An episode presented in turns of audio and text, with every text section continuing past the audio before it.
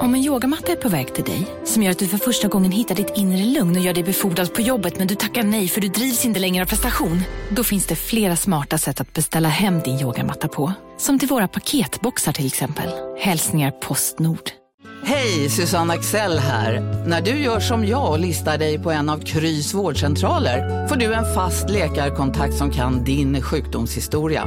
Du får träffa erfarna specialister, tillgång till lättakuten och så kan du chatta med vårdpersonalen.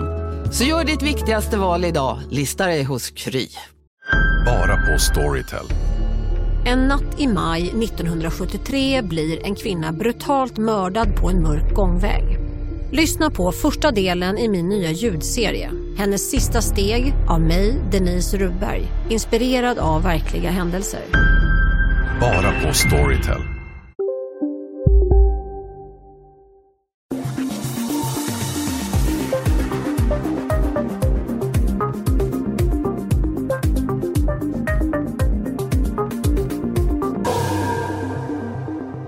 Orrefors har länge varit känt för det glasbruk som finns i bygden.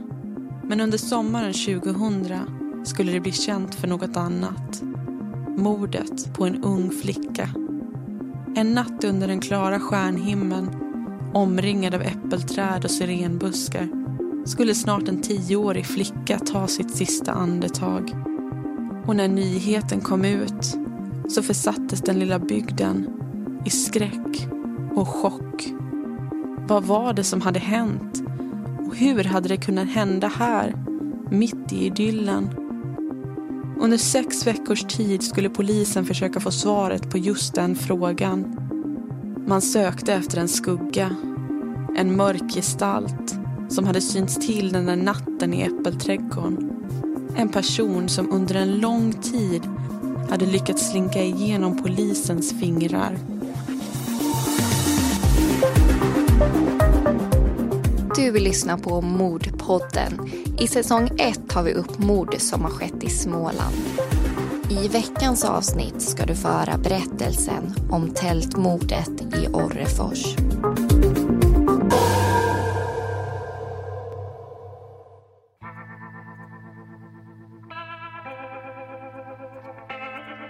Den 27 maj år 2000 vaknade den småländska orten Orrefors upp till en fruktansvärd nyhet. En nyhet om ett tältäventyr i den vackra äppelträdgården som fått ett abrupt och fruktansvärt slut. Men det är ett år tidigare än så som allting tar sin början. I mars 1999 beger sig en 16-årig pojke till semesteridyllen Öland i östra Småland. Pojken heter Lukas. Men han är inte där för att njuta av de vackra vyerna. Inte alls. Lukas öppnar dörren till ett fint litet sommarhus och går in. Han får syn på några barnfotografier som står uppställda Lukas vet inte vilka barnen på bilderna är. Det är nämligen inte hans hus. Polismannen som sommarhuset i själva verket tillhör är helt ovetande om att en ung kille precis har brutit sig in. Och den 16-årige pojken har inga planer på att låta rummen stå orörda. Väggarna stänker han ner med rödfärg som han lyckas hitta i ett av rummen. De söta fotografierna på de okända barnen kastar han ner på golvet med en smäll och trampar sönder. Han tar även fram en handske, men det ser inte ut som vilken handske som helst. Lukas har klippt sönder fingertopparna. Där tyget förut varit sticker nu sylvassa knivblad ut istället. Det är tydligt att den 16-åriga pojken har försökt efterlikna en välkänd skräckfilm. Inte heller leksakerna får vara i fred. Flera av dem förstörs. Bland annat en barndocka. Den skär han sönder i skrevet.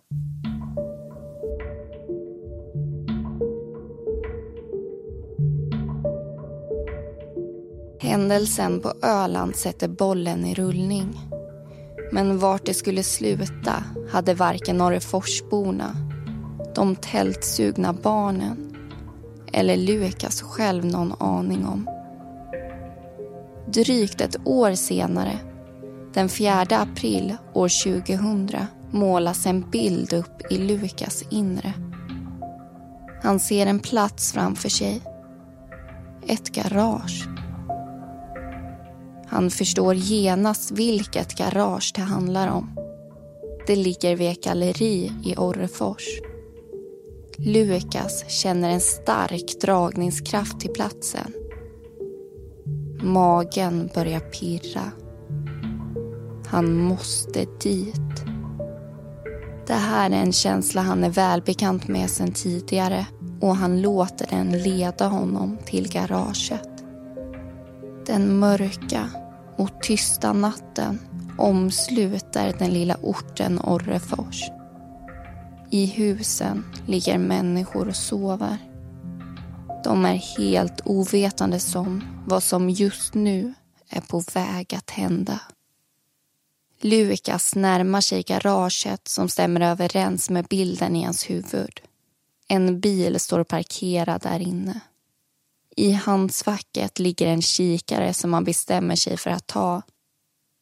Med kikaren i handen går han vidare till uthuset som är beläget i anslutning till garaget. I väggfasta burar finns tre små kaniner. Den pirrande känslan gör sig påmind i Lukas mage. Han öppnar burarna och tar ut alla tre kaniner. Två av dem trycker han ihjäl mot en betongstensplatta på golvet. Vad som händer med den tredje kaninen är det fortfarande ingen som vet. Händelsen i garaget var en av flera hemska händelser som skulle komma att lamslå den småländska orten Norrefors. Vad är det egentligen som händer? Människor vill ha svar. Men ingen vänder huvudet åt Lukas. Inte förrän det redan är för sent. Dragningskraften och de inre bilderna skulle komma tillbaka. Och tyvärr så skulle det bara bli färre.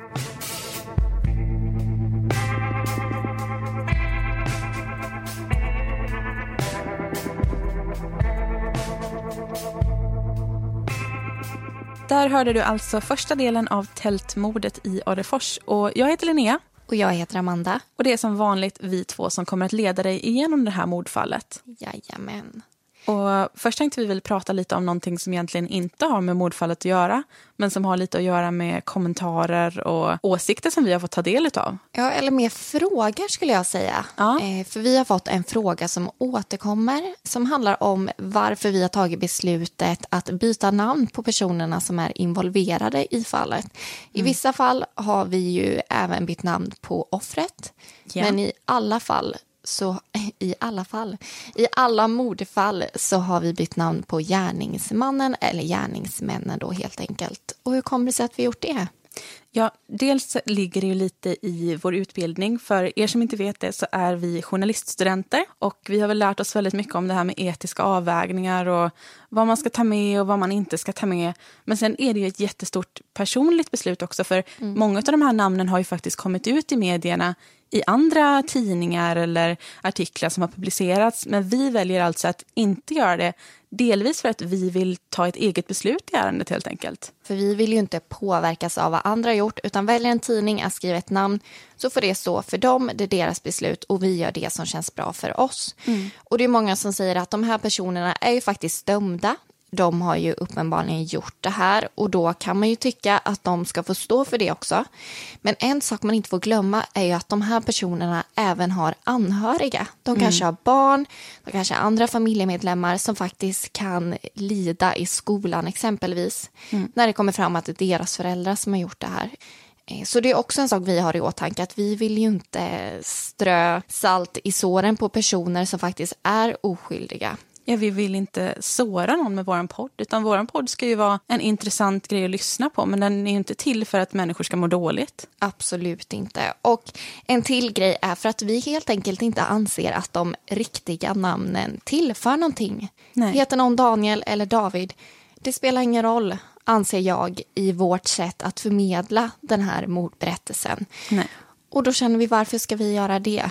Vill man jättegärna ta reda på det här så får man helt enkelt göra det på egen hand. Vår syfte med podden är inte att avslöja och informera på det sättet utan att berätta vad som faktiskt har hänt. Men vi, vi är ju jättetacksamma för den här typen av frågor. Yes. Kom in fler frågor, fler kommentarer. Allting tar vi jättegärna emot och så ger vi er svar helt enkelt, precis som nu. Absolut, så fortsätt jättegärna. Och eh, absolut på vår Facebook svarar Oj, nu fick jag en kråka i halsen. Svarar på alla meddelanden vi får. Vi heter Mordpodden där, så gå gärna in där. Eller skicka iväg ett mejl, så lovar vi att svara. Det är kul att den här podden engagerar, tycker jag. Ja, absolut. Men om vi nu ska prata lite om det här mordet. Ja. Tältmordet i Orrefors. Det jag tänker på eh, det är att vi nu fått höra att han tar livet av ett par kaniner. Ja. Så vet vi att det även kommer vara barn involverade i det här mordfallet. Och det är ju någonting som gör att man tycker att det är så himla tragiskt och hemskt. Varför tror du att man tycker att det är extra tragiskt när det gäller djur och barn? Jag tror att det ligger någonting i det här att barn och djur ses väldigt mycket som försvarslösa och oskyldiga kanske framför allt. De har liksom inte gjort någonting för att förtjäna det onda som händer dem. Och ja, jag vet inte, nu kommer det ju barn senare men jag mår jätteilla när jag bara tänker på den här, det här som hände kaninerna. Hur kan man ta ihjäl liksom, tre stycken fluffiga små kaninungar? Eller Som kaninungar var det inte men... Ja. Nej, alltså Det är nog det här oskyldiga tror jag. De har inte gjort dig någonting så varför ska du göra dem någonting? Jag tror det handlar om det. Men nu tycker jag att vi ska gå vidare i den här berättelsen. För det är ju så att Lukas får ju bilder i sitt huvud och en dragningskraft i magen. Och vi har ju precis fått reda på att det här kommer komma tillbaka. Så nu undrar vi vart kommer det leda honom den här gången?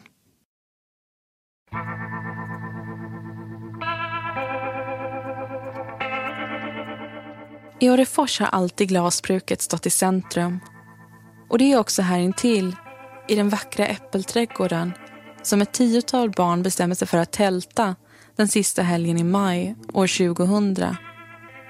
Gräsängen ligger idylliskt inramad av träd och bostadshus med glasbruket från 1700-talet, bara ett stenkast därifrån. Det är också tradition för barnen i bygden att tälta där eftersom många av deras föräldrar arbetar på bruket. Samtidigt som de förväntansfulla barnen får hjälp av sina föräldrar att resa upp de tre tälten så sitter Lukas hemma och ensam.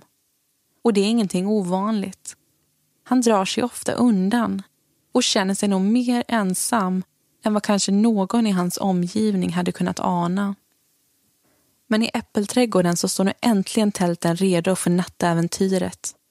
Och vid de två äppelträden mitt på gräset står nu ett silverfärgat kupoltält där tre pojkar och en flicka ska sova. Bredvid det så finns ett mindre tält i nylon uppställt. Där i ska kompisarna Carolina, Ines och Alva sova. Ett tredje tält står uppställt en bit bort, vid en syrenbuske. Barnen, som om några timmar nu ska krypa ner i sina sovsäckar, är alla mellan 9 och 14 år gamla och ser med spänning fram emot nattens stora äventyr. Flera av barnen vill dessutom inviga kvällen med ett dopp i vattnet. Men efter att försiktigt ha doppat tårna i vattnet så inser de att det är alldeles för kallt. Framåt halv tolv-tiden bestämmer sig barnen i ett av tälten för att avbryta äventyret och sova hemma istället. De visste inte det då, men i efterhand har de förstått att det beslutet kanske kan ha räddat deras liv. Tältet vid syrenbusken monteras ner och barnen försvinner iväg. För de sju kompisarna som stannar kvar kommer det bli en kväll med mycket chips och många skratt. De förstår att det kommer att bli en kväll att minnas, men inte av vilken anledning. Lukas som förut var ensam har nu bestämt sig för att möta upp med en kompis. Tillsammans brummar de iväg på Orrefors gator med sina mopeder. De unga killarna bestämmer sig för att köra mot Äppelträdgården. Lukas vill träffa en tjej där, som han gillar. Han vet att hon skulle tälta där i natt. Klockan är nu halv tolv och de är framme vid glasbruket och de uppställda tälten. Men tjejen som Lukas ville träffa är inte kvar. Hon var en av dem som ångrade sig och ville sova hemma istället. Men istället för att lämna platsen så bestämmer sig de två killarna för att köra runt de två tält som står kvar uppställda. Barnen som nu redan sover gott i sina sovsäckar vaknar av ljudet från motorerna. I det mindre nylontältet syns skenet från en ficklampa. Snart kikar även ett huvud ut från tältduken. Det är Carolina. Stick härifrån! Jag och mina kompisar vill faktiskt sova, säger den tioåriga lilla flickan. Men Lukas härmar bara vad Carolina säger med en pipig och tillgjord röst. Och nu tittar även barnen i det andra tältet ut. De har vaknat och undrar vad det egentligen är som händer där utanför. Pojken går ut för att titta efter och Lukas sträcker fram en öl. Vill du ha? frågar han. Men pojken säger bestämt nej. Han vill inte ha någon öl. Han vill bara att killarna med mopederna ska åka därifrån så de kan fortsätta att sova. Lukas och Carolina fortsätter att tjafsa en stund men till slut ger Lukas med sig. Han och kompisen åker därifrån och barnen i tälten får äntligen fortsätta sitt tältäventyr och sova vidare i fred. De vet inte att en av killarna snart kommer komma tillbaka. Lukas och hans kompis skiljs åt utanför Lukas bostad. Och ännu en gång så är han ensam. Han bestämmer sig för att slappna av framför tvn en stund och lägger sig på soffan. Ögonen faller ihop och han slumrar till. Och när klockan slår tre så vaknar han igen. Känslan som fyllde hans kropp den där natten när han gick till uthuset med kaninerna gör sig ännu en gång påmind. Men den här gången är det en helt annan bild som dyker upp i huvudet. Han ser träd, syrenbuskar, en gräsäng och ett tält. Det råder inga tveksamheter kring vad det är för plats. Han var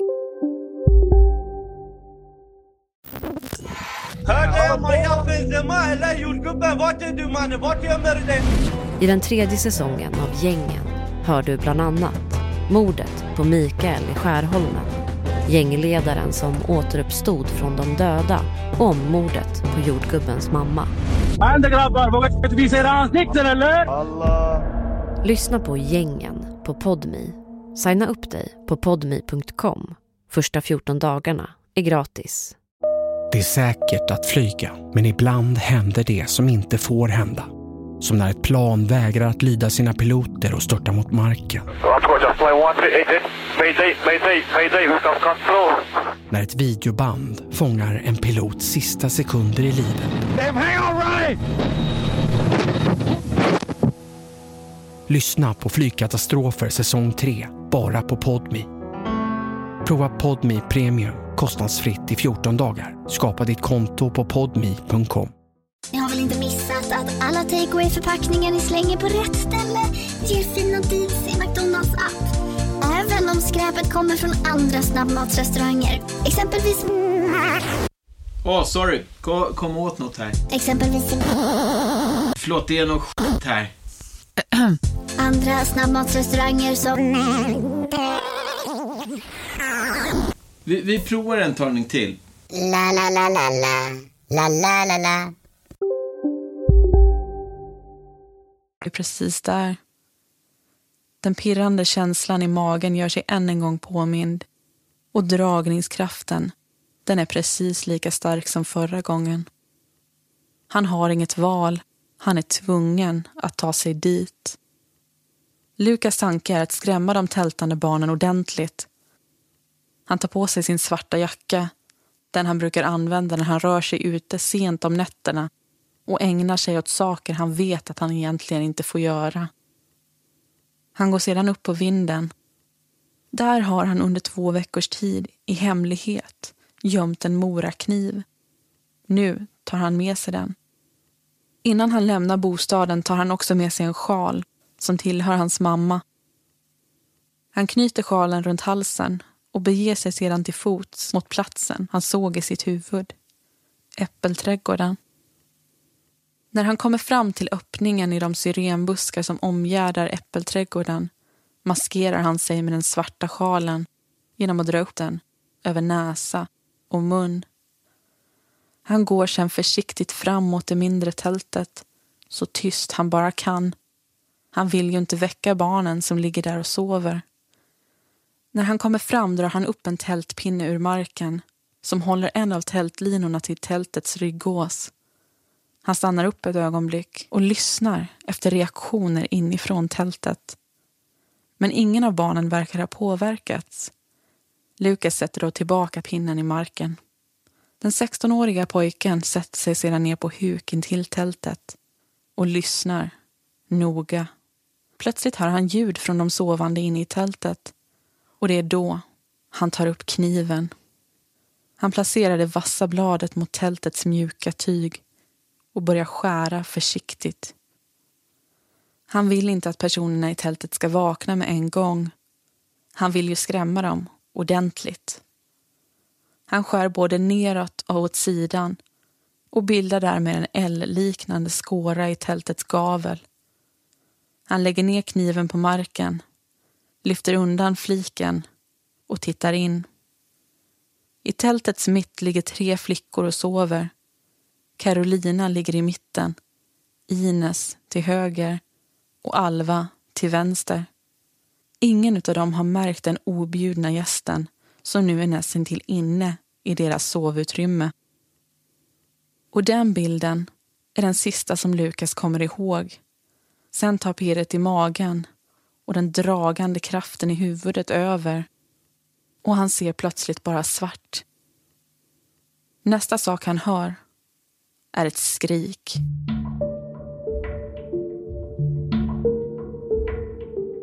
Ines, som sovit gott i tältet, vaknar helt plötsligt till av att det sticker till i hennes nacke.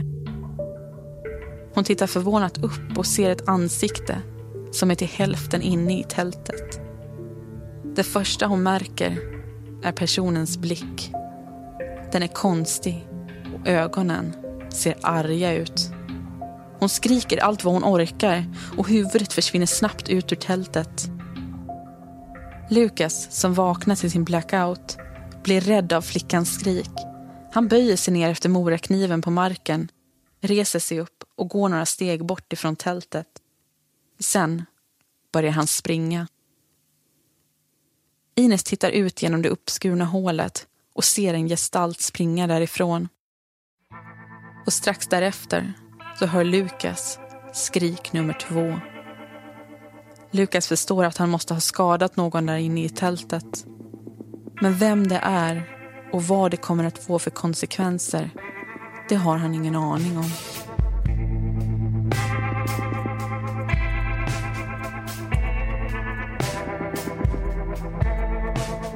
Du vill lyssna på Mordpodden. I säsong 1 tar vi upp mord som har skett i Småland.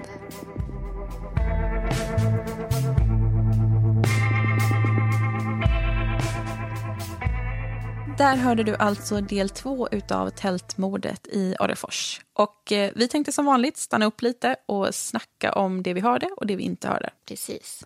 Och det första vi tänkte på när vi själva läste och skrev den här berättelsen, det handlar väl lite om det här med att den här är väldigt annorlunda från många andra mord vi har läst. Då det känns som att den saknar ett motiv eller ett val på samma sätt som de andra har. Och det är ju inte alls på samma sätt, för många av de andra tidigare morden har ju begåtts av hat eller att man vill hämndge igen. Men det här är ju faktiskt en pojke, en ung pojke som inte mår bra. Mm. Och det är det som jag tycker är så tragiskt med det här mordet just. Att han är ju faktiskt sjuk. Så på ett sätt så tycker man ju, trots att han begår det här hemska, hemska, fruktansvärda, tycker man faktiskt lite synd om honom. Mm. Precis som man tycker ju självklart ännu mer synd om den här lilla flickan som inte har någonting med det här att göra egentligen. Som faller offer för hans sjukdom kan man ju nästan säga. Ja, det finns inte det här naturliga, en ond, hemsk människa som ville göra en annan människa i, eller illa utav en anledning. Alltså, utan det, han vet det är ju inte, vad han gör. Nej. Sen är det ju det är ingenting som försvarar, Nej. i min mening finns det ingenting som försvarar att någon begår en sån här sak. Men det här förklarar varför han gjorde det. Mm. Det går ju också in lite på det här med att i samhället känns det som att vi har en väldigt fin, eller en hårfin gräns mellan någon som är ond och någon som är sjuk. Alltså det, det, är som att man inte riktigt vet vad det är man har att förvänta sig. Utan En person kan vara sjuk och må jättedåligt men i ögonen av medier eller i ögonen av någon som ser det från fel sätt så är han ond rent och skärt. Mm. Och det, det, är ju en ondskefull handling som har begåtts. Mm. Men sen är det ju vad som ligger bakom som varierar såklart. Och det är till och med så att vi har läst en artikel från Svenska Dagbladet där de här barnen som tältade, några av dem har uttalat sig. Och det är en där som säger att eh, Lukas namn då dök aldrig upp i huvudet utan hon hade uppfattat honom som en omtänksam, snäll, trevlig och lite tystlåten person. Och att hon faktiskt, hon kände sig arg och ledsen men hon kände inget hat mot honom utan mer den här frågan varför. Mm. Och det tror jag många har känt. Varför hände det här? Det här skulle inte ha hänt honom, att han skulle begå en sån här sak. Och det här skulle inte ha hänt de här barnen, att få uppleva en sån här sak. Det är en stor tragedi helt enkelt. Jag är väldigt förvånad ändå. Alltså jag, jag är väldigt förvånad på ett gott sätt att hon känner inget hat för det som har hänt. Nej. Att man kan vara så öppen, eller alltså så accepterande om att det är en person som har gjort mig och andra illa.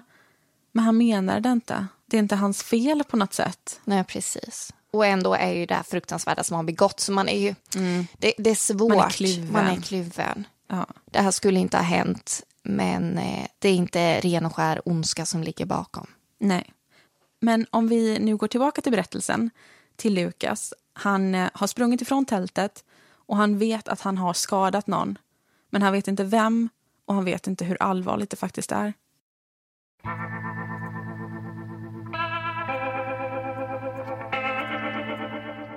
När Lukas kommer ut från äppelträdgården upptäcker han en man komma gående. Han ser genast att det är hans granne. Förskräckt gömmer han sig snabbt i ett buskage. När han sitter där försöker han minnas vad det var som egentligen hade hänt vid tältet. Vem hade han skadat?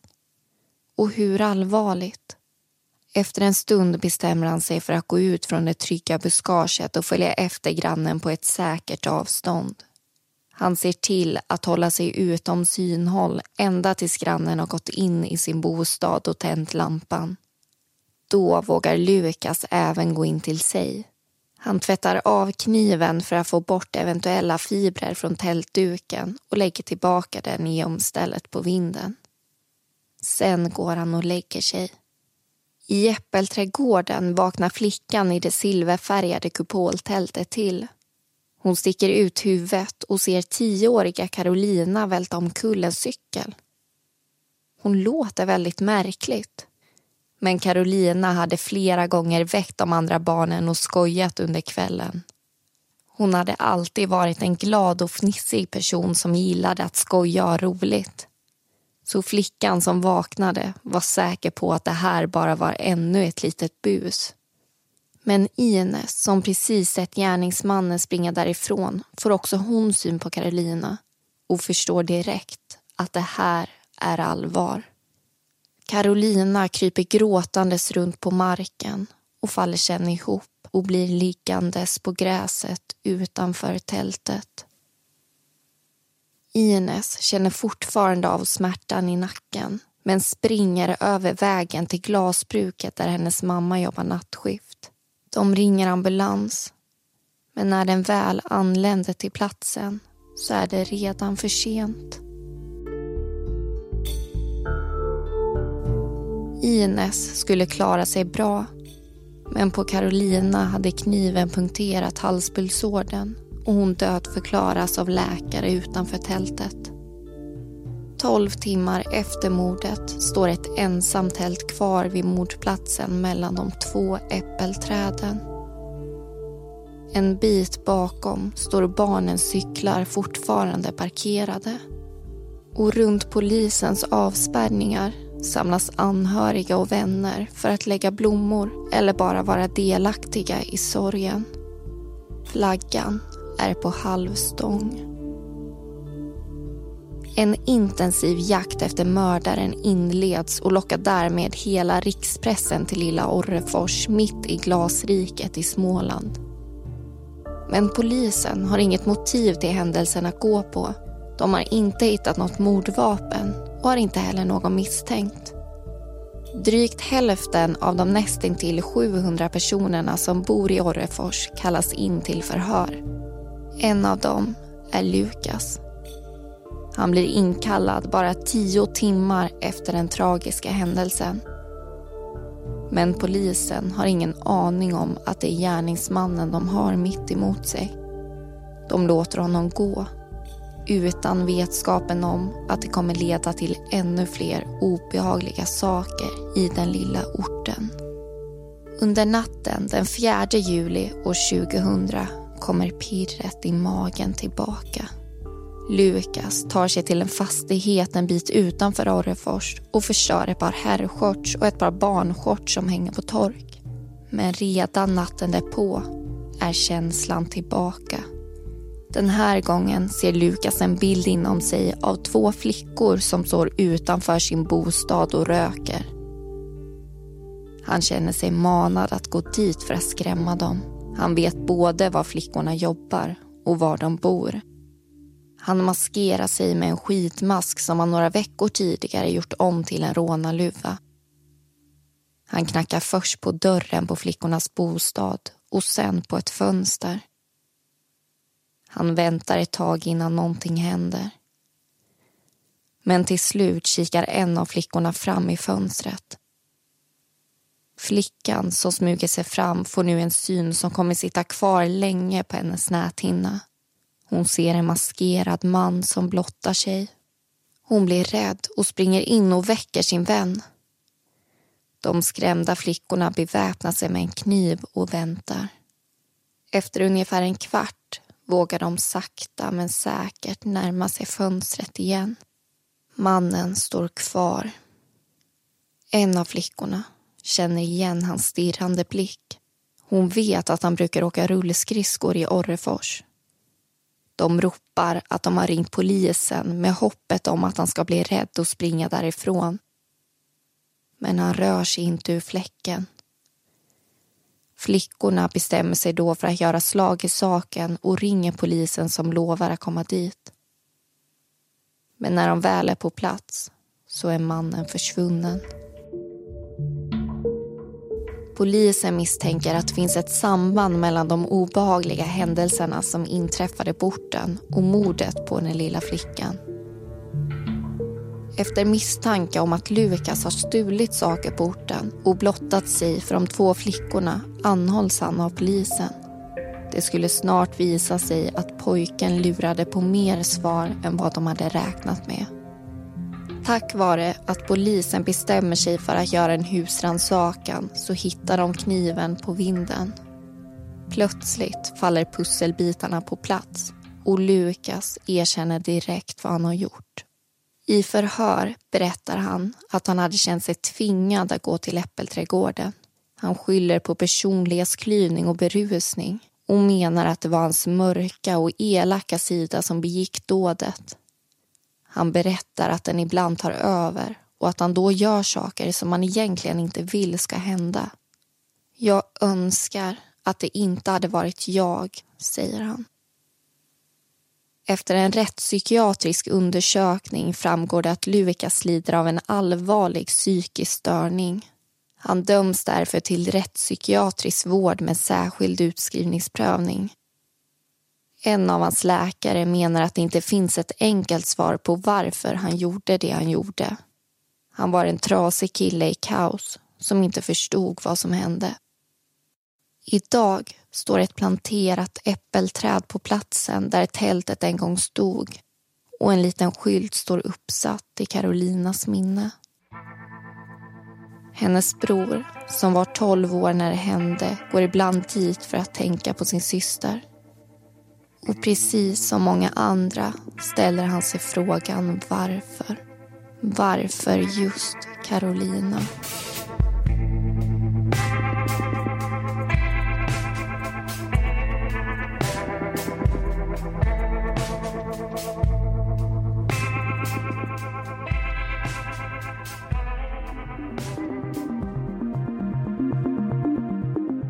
Och det var allting som vi hade att berätta om tältmordet i Orrefors. Lukas, Ines och Alva heter egentligen någonting annat. Och all information den är hämtad ifrån domar, förundersökningsprotokoll, böcker och artiklar. Glöm inte att följa Mordpodden på Facebook och kika gärna in på vår hemsida mordpodden.com. Nästa vecka åker vi österut och då ska du få höra allt om mordbranden i Flakeböle.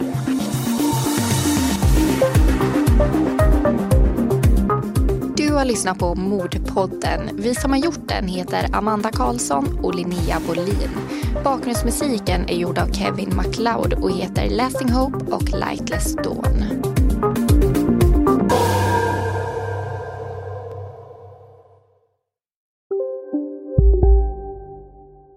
Du, åker på ekonomin. Har han träffat någon? Han ser så happy ut. Var det onsdag? Det är nog Ikea. Har du dejtat någon där eller? Han säger att han bara äter. Ja, det är ju nice där alltså.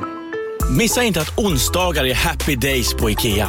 Fram till 31 maj äter du som är eller blir IKEA Family-medlem alla varmrätter till halva priset. Välkommen till IKEA. Demideck presenterar Fasadcharader.